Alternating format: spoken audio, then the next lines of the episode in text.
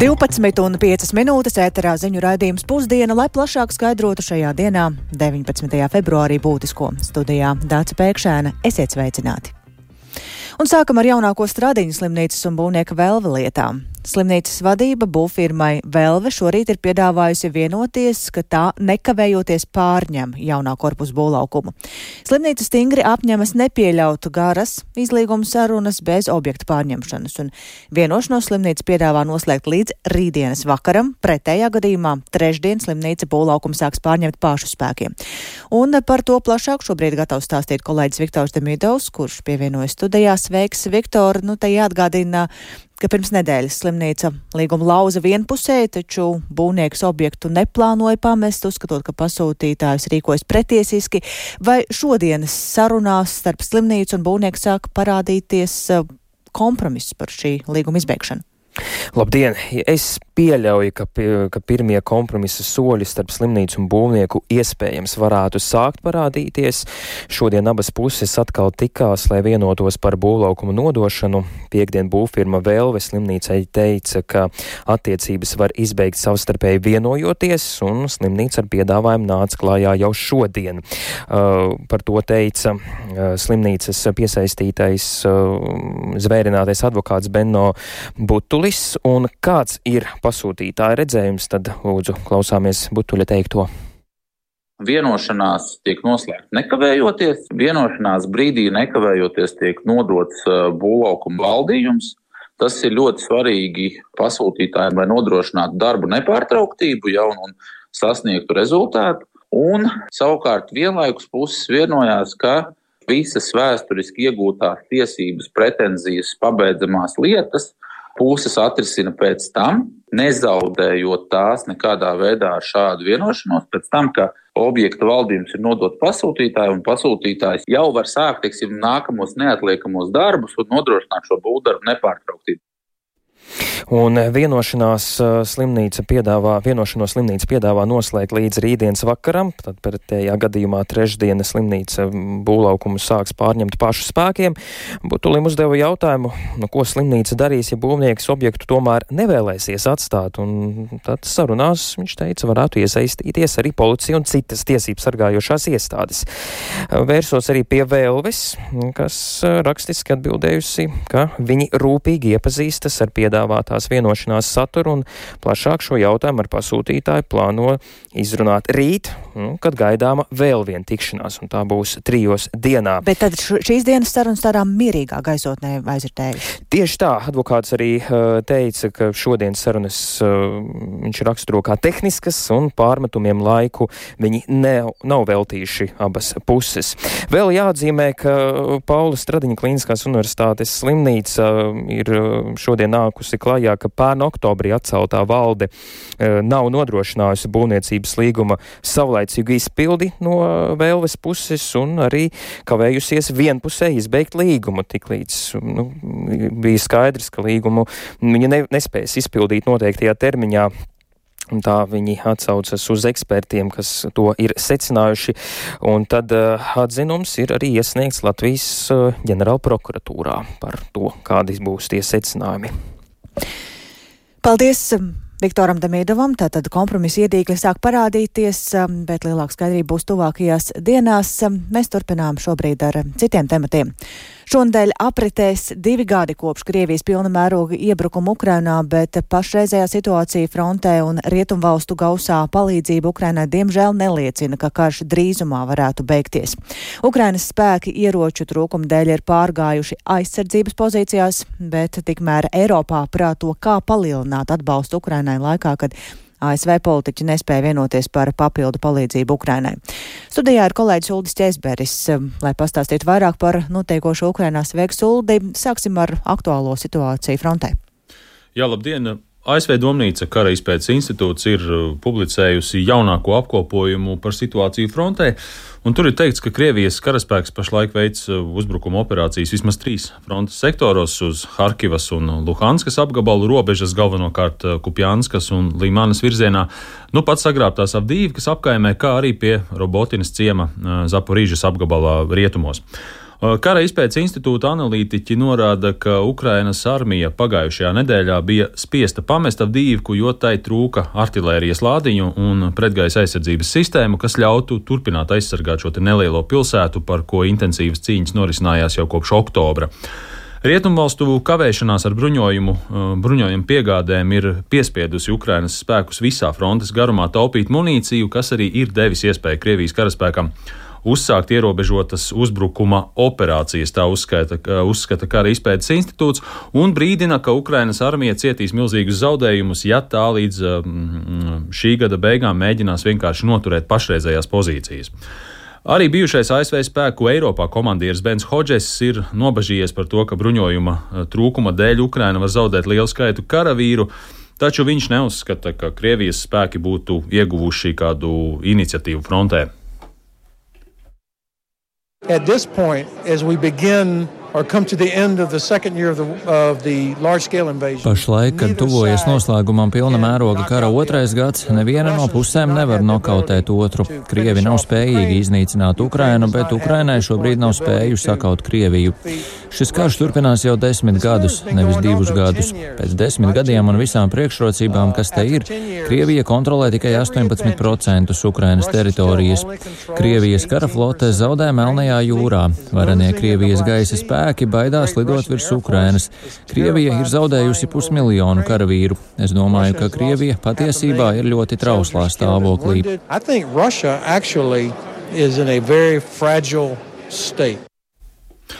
Jā, ieroču un munīcijas trūkums ir milzīga problēma Ukrainai. Atsevišķām artērijas vienībām ir pieejami tikai 5 līdz 10% no nepieciešamā šāviņu skaita, un Tas nozīmīgi ierobežo Ukraiņu iespējas uzbrukt mērķiem dziļi Krievijas karaspēka aizmugurē, kur ir uzkrāta bruņu tehnika un personāls, un vēl sliktāk ir tas, ka artērijas šāviņu trūkuma dēļ nav iespējams nodrošināt uguns aizsegu kainiekiem, kuri nu, mēģina atgūt okupētās teritorijas. Jā, Uldī, Tikko ir noslēgusies arī gadējā Mīnhenes drošības konference. Cik daudz un vai tur tika runāts par rietumvalstu palīdzību Ukrainai? Jā, nu, tas bija viens no galvenajiem diskusiju tematiem, un konference diemžēl izgaismoja Eiropas nespēju vai nevēlēšanos uzņemties iniciatīvu palīdzības sniegšanai Ukrainai brīdī, kad, kā mēs zinām, ASV kongresā ir iestrēgusi prezidenta Džo Baidena pieprasītā papildu palīdzību Ukrainai vairāk nekā 60 miljardu dolāru apmērā. Eh, konferences laikā gan Ukrainas pārstāvi, gan arī Polijas ārlietu ministrs Radoslavs Sikorskis uzsvēra, ka nedrīkst kavēties ar eh, palīdzību Ukrainai, jo Krievijas uzvara Ukrainā iedrošinātu Kremli doties karagājienā dziļāk Eiropā. Tāpēc Rietuma Eiropas eh, iedzīvotāji un politiskā elite esot jāturpina pārliecināt par to, ka ierobežojot, ierobežot Krieviju pēc tam, kad tā būs iekarojusi Ukrainu, nu, tas būs par vēlu un būs daudz dārgāk nekā palīdzēt Ukrainai tagad. Eh, Dānijas premjerministre Mette Frederiksena sacīja, ka Eiropas līderi kā šķērsli piegāžu palielināšanai Ukrainai bieži min problēmas ar ieroču ražošanu pašu mājās. Nu, bet Frederiksena uzskata, ka tā ir tikai atruna. They are asking us for ammunition now, artillery now. Ukraiņi prasa mums piegādāt munīciju tagad, artilēriju tagad. Dānija ir nolēmusi ziedot visu savu artilēriju Ukrainai. Eiropas krājumos joprojām ir munīcija. Tas nav jautājums tikai par ražošanu, jo mums ir ieroči, mums ir munīcija, mums ir pretgaisa aizsardzības līdzekļi, kuri mums pašiem šobrīd nav nepieciešami un kurus mums vajadzētu piegādāt Ukrainai. Frederiksena arī norādīja, ka Eiropiešiem nav teikt, jāsēž rokas klēpī salikušiem un jāgaida, kad ASV beidzot apstiprinās papildu militāro palīdzību Ukrainai. Jo karš notiek Eiropā, tāpēc mums pašiem sevi ir jāaizsargā. Savukārt Čehijas prezidents Petrs Pavels sacīja, ka Eiropai ir jāmeklē iespējas iegādāties bruņojumu no draudzīgām trešajām valstīm, un prezidents paziņoja, ka Čehijai ir izdevies atrast veidu, kā iegādāties 800 tūkstošus artilērijas lādiņu Ukrainas vajadzībām Taču tam ir nepieciešams finansējums, ko, par ko Prāga runājot ar citām NATO dalībvalstīm. Pavels nevin, neminēja, no kurām valstīm varētu iegādāties lādiņus, bet mediji iepriekš ir ziņojuši, ka runa varētu būt par Dienvidkoreju, Turciju un Dienvidāfriku, un iespējams arī par kādām citām valstīm. Paldies Aldim Česberim par šo skaidrojumu. Tikmēr bāžas par Ukrainas kara gaitu pastiprina arī notiekošais Krievijā. Kāda būtu pareizākā starptautiskā reakcija pēc Krievijas opozīcijas politiķa Aleksēna Navaļnī nāvis? Jāpastiprina sankcijas pret Krieviju un jāveicina visa veida atbalsts Ukrainai. Savukārt nav ticības par iespējām objektīvi izmeklēt Kremļa opozicionāra nāvis apstākļus, tā uzsver Latvijas parlamentārieši. Un ar viņiem ir sazinājies kolēģis Jānis Kīncis, kurš um, tagad studijā, lai pastāstītu par to vairāk. Jā, sveicināti. Nu, pašlaik jau trešo dienu Kremļa opozīcijas līdera Alekseja Navaļnija tuviniekiem ir liekta pieeja viņa mirstīgajām atliekām. Tās aizvien atrodoties Krievijā Arktikā, vienā no skarbākajiem cietumiem, kur redzamāko Kremļa opozicionāru pārvietoja pērnā gada nogalē. Un aizvien dažādu valstu amatpersonas un politiķi izsakās par Navaļnija nāvi un viedokli vaicājām arī Latvijas parlamenta pārstāvjiem. Un, uh, Jau tad, kad eh, Kremļa oponents pēc saindēšanās, eh, pēc saindēšanas eh, beidz ārstēšanos Vācijā un atgriezās Krievijā, bija skaidrs, ka viņš no apcietinājuma šajā valstī diez vai kādreiz iznāks dzīves. Un šobrīd cerēt uz viņa nāves objektīvi, nāves apstākļu objektīvu izmeklēšana ir naivi, taču ir citi veidi, kā demokrātiskajām valstīm pašlaik ir jārēģē. Tā norāda Saimnes ārlietu komisijas vadītājs Rihards Kols no Nacionālās apvienības. Man liekas, šis būtu papildus stimuls demokrātiskai pasaulē mobilizēt visu iespējamo atbalstu Ukrainai. Absolūti nekavējoties, neejot kaut kādās neauglīgās diskusijās, bet sniegt maksimālu atbalstu, kā pieņemsim tik tikko, kā Dānijas premjēra paziņoja, ka Dāņi atdod praktiski visu artilēriju, munīciju Ukraiņiem. Bažas arī, protams, raisa, kas notiks ar citiem prominentiem opozīcijas pārstāvjiem, kas ir ieslodzījumā, kā pieņemsim Vladimirs Karamurza. Un saimnes prezidija pārstāve un saimnes Eiropas lietu un ārlietu komisiju deputāte Zanna Kalniņa Lukaševiča no jaunās vienotības papildina, ka Eiropas padomas parlamentārajā asamblējā turpinās sarunas par veidiem, kā panākt gan opozīcijas politiķa Vladimira Karamurzas, gan arī Baltkrievijā politieslodzīto atbrīvošanu. Un eh, runājot par rīcību un par nepieciešamajām reakcijām pēc Navaļnija nāves, deputāti norāda, ka demokrātiskās pasaules rokās nav pārāk daudz instrumentu, kā vērsties pret Krieviju, taču tie ir ietekmīgi. Gan sankcijas, gan, piemēram, starptautiskās tiesas izdotais aresta orderis Krievijas diktatoram Vladimiram Putinam.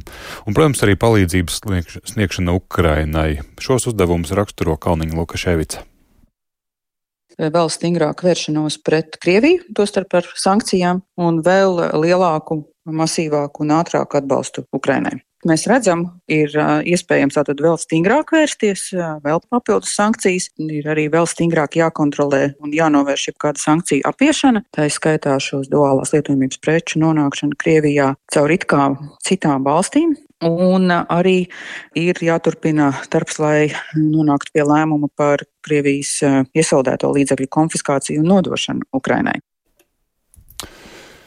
Piebildīšu, ka šodien arī gaidāma saimas ārkārtas sēde Ukrainas atbalsta nedēļas ietvaros, kurā sagaidāmas plašākas diskusijas par šiem jautājumiem. Saki, vai saistībā ar Navaļnī nonāvēšanu varētu būt arī gaidāms tāds um, kopīgs uh, politiķu saimas uh, paziņojums? Jā, nu šajā uh, saimnes ārkārtas sēdē šodien būs gan valsts prezidents, gan saimnes priekšādātājs, gan uh, arī ministra prezidents uzrunas, un uh, uzrunu teiks arī parlame, uh, Ukrainas parlamenta augstākās radas priekšādātājs Ruslans Stefančuks. Un, uh, Uz, gatavojoties šai sēdēji, saibā, saimā šobrīd gatavo arī paziņojumu saistībā ar to, ka šajā sestdienā apritēs divi gadi kopš Krievijas visaptvarošā iebrukuma Ukrainā. Un, protams, ņemot vērā to, ka Navaļnija nāvi šajā kolonijā Krievijā starptautiskā sabiedrība saista un skata kontekstā ar Krievijas agresijas karu Ukrainā, tad saimnes paziņojumā būs, būtu jāpiemina arī Kremļa opozicionāru bojāja, tā to atzina Kalniņa Lukaševica. Paldies Jānim Kīncim, un Jānis jau pieminēja, tātad divi gadi šogad ir kopš ir sācies pilna apmēra iebrukums uh, Ukrainā un Latvijā kopš kara sākuma patvērumu ir raduši tūkstošiem ukraiņu. Ilgas pēc mājām ir milzīgas, bet nedrošā situācija Mikolājivā joprojām attur no atgriešanās, tā atzīst Latvijā jau labi pazīstamā ukraiņu mūziķa bandūras virtuoze Darija Leko. Piedzīvojusi kara šausmas, viņa ar bērniem Latvijā ieradās pirms diviem gadiem, un pa šo laiku mūziķi ir sadarbojusies ar Latvijas mūziķiem, ierakstījusi mūziku un daudzus spējusi apburt ar savu bandūras spēli. Viņas vīrs Ukrainā turpina aizstāvēt dzimteni un darīja Viņu spēcina sūtot speciāli viņam ierakstītas dziesmas, un arī viņai pašai mūzika ir viens no lielākajiem spēka avotiem. Vairāk par Dāriju Leleko Baibas Kušķis ierakstām.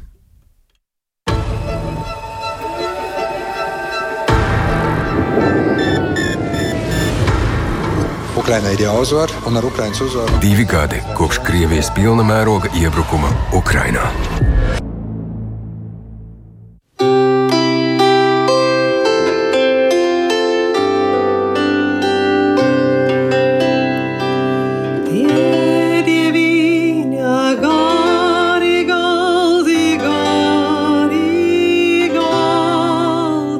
Ar Darju Leleko radio studijā atkal tiekamies pēc nepilniem diviem gadiem. Viņai, protams, nemainīgi līdzi ir bandūra, viņas skaistule, kā viņa to sauc, un dziesmu pūram klāt nākusi vēl viena latviešu tautas dziesma. Tur seši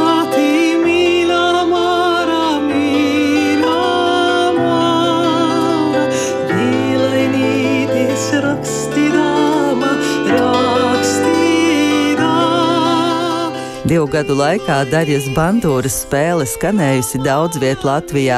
Viņa sadarbojas gan ar Latvijas, gan Latvijā dzīvojošajiem ukraiņu mūziķiem.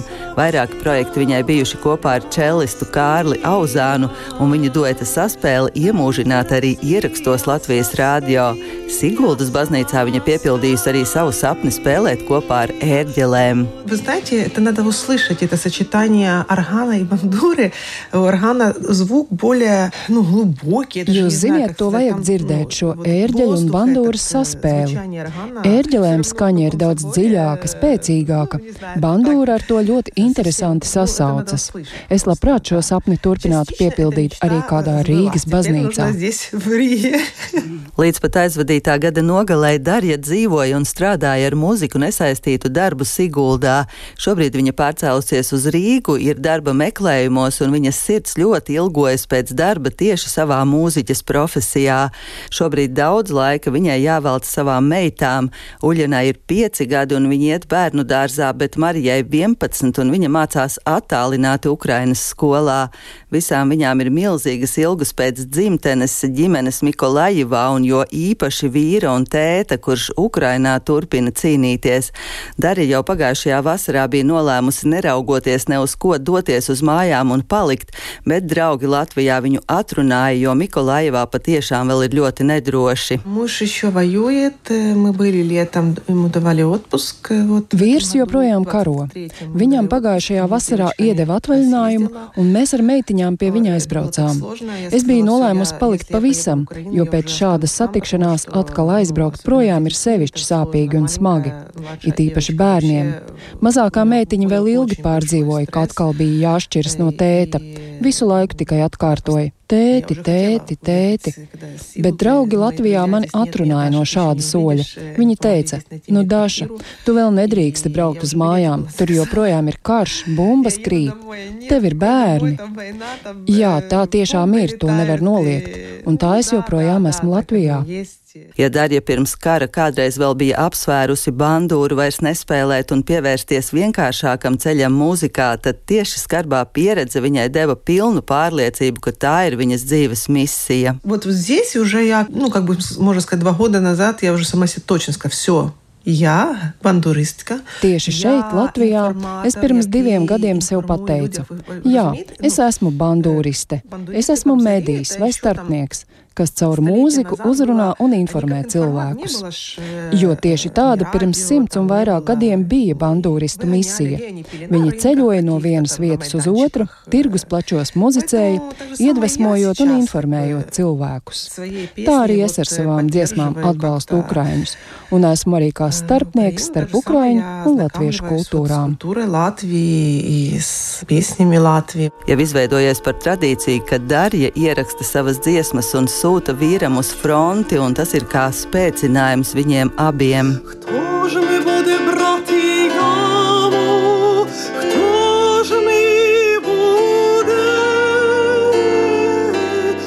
Darija Leleko būs viena no dalībniecēm arī Osokina brīvības festivālā Ukrainē, kas skanējumu sāks 5. aprīlī.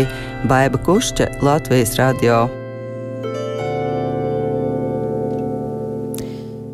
Tāds lūk Ukrāņu mūziķis emocionāls stāsts par dzīvi Latvijā un, un ilgām pēc dzimtenes.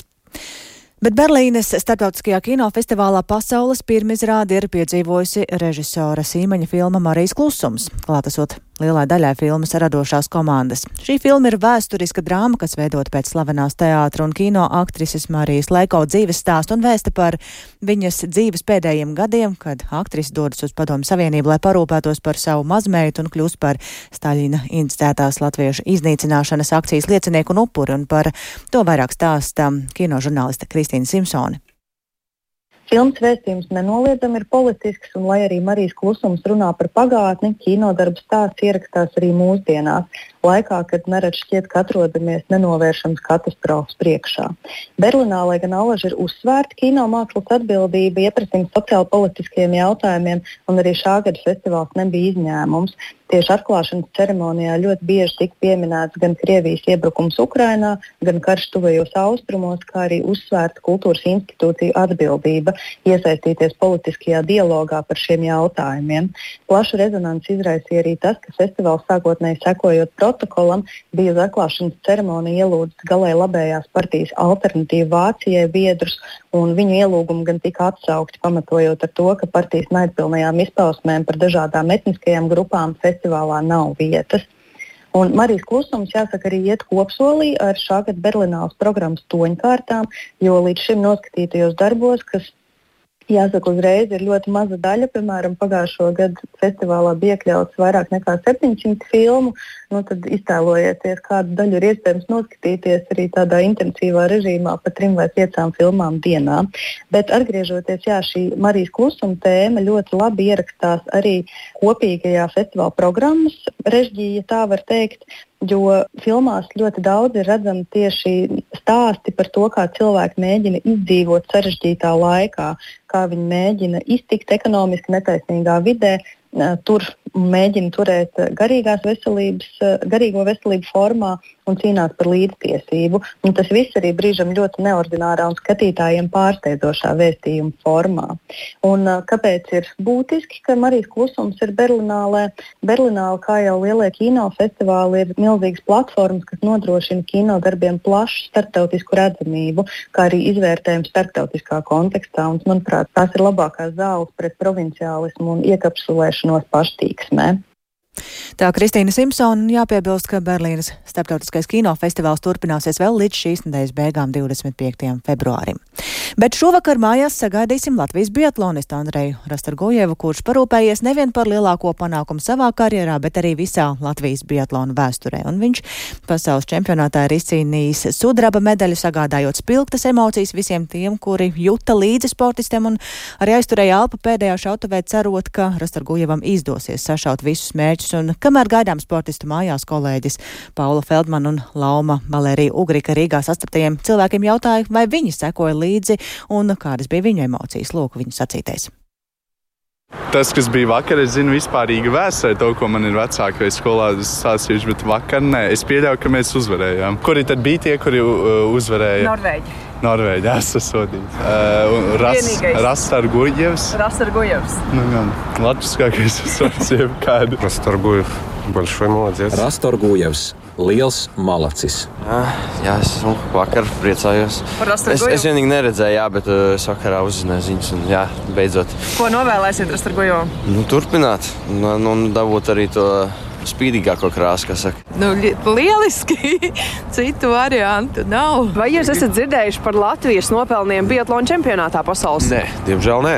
Latvija dabūja vēsturē pirmo Super. sudrabu. Nu, tad sveicam visus! Beidzot, es esmu priecīga, ka jums ir izdevies. Jūs katru reizi esat vienmēr sekojusi. Un, un man liels prieks, ka viņam izdevās. Nemet plinti krūmos. Vai jūs dzirdējāt par Biatlona sasniegumiem? Aptuveni. Twitterī ļoti maz. Man ir vienmēr prieks jā, par, par mazo Latviju. Tas, tas sirdī ienes kaut kādu patriotismu. Tas ir tikai sākums. Jāpiebilst, ka Rastargo jau sagaidīšana paredzēta Rīgas lidostā pēc pulksten pieciem pēcpusdienā, tā kā uz darba dienas beigām ikvienam vēl ir iespēja pievienoties sagaidītāju pulkam, un ar šo atgādinājumu tad arī izskan raidījums pusdiena. To producēja Ilza Agīnta, ierakstus montēja Kaspars Groskops, par labskaņu rūpējās Mārtiņš Paigls un ar jums sarunājās Dācis Pēkšēns. yeah.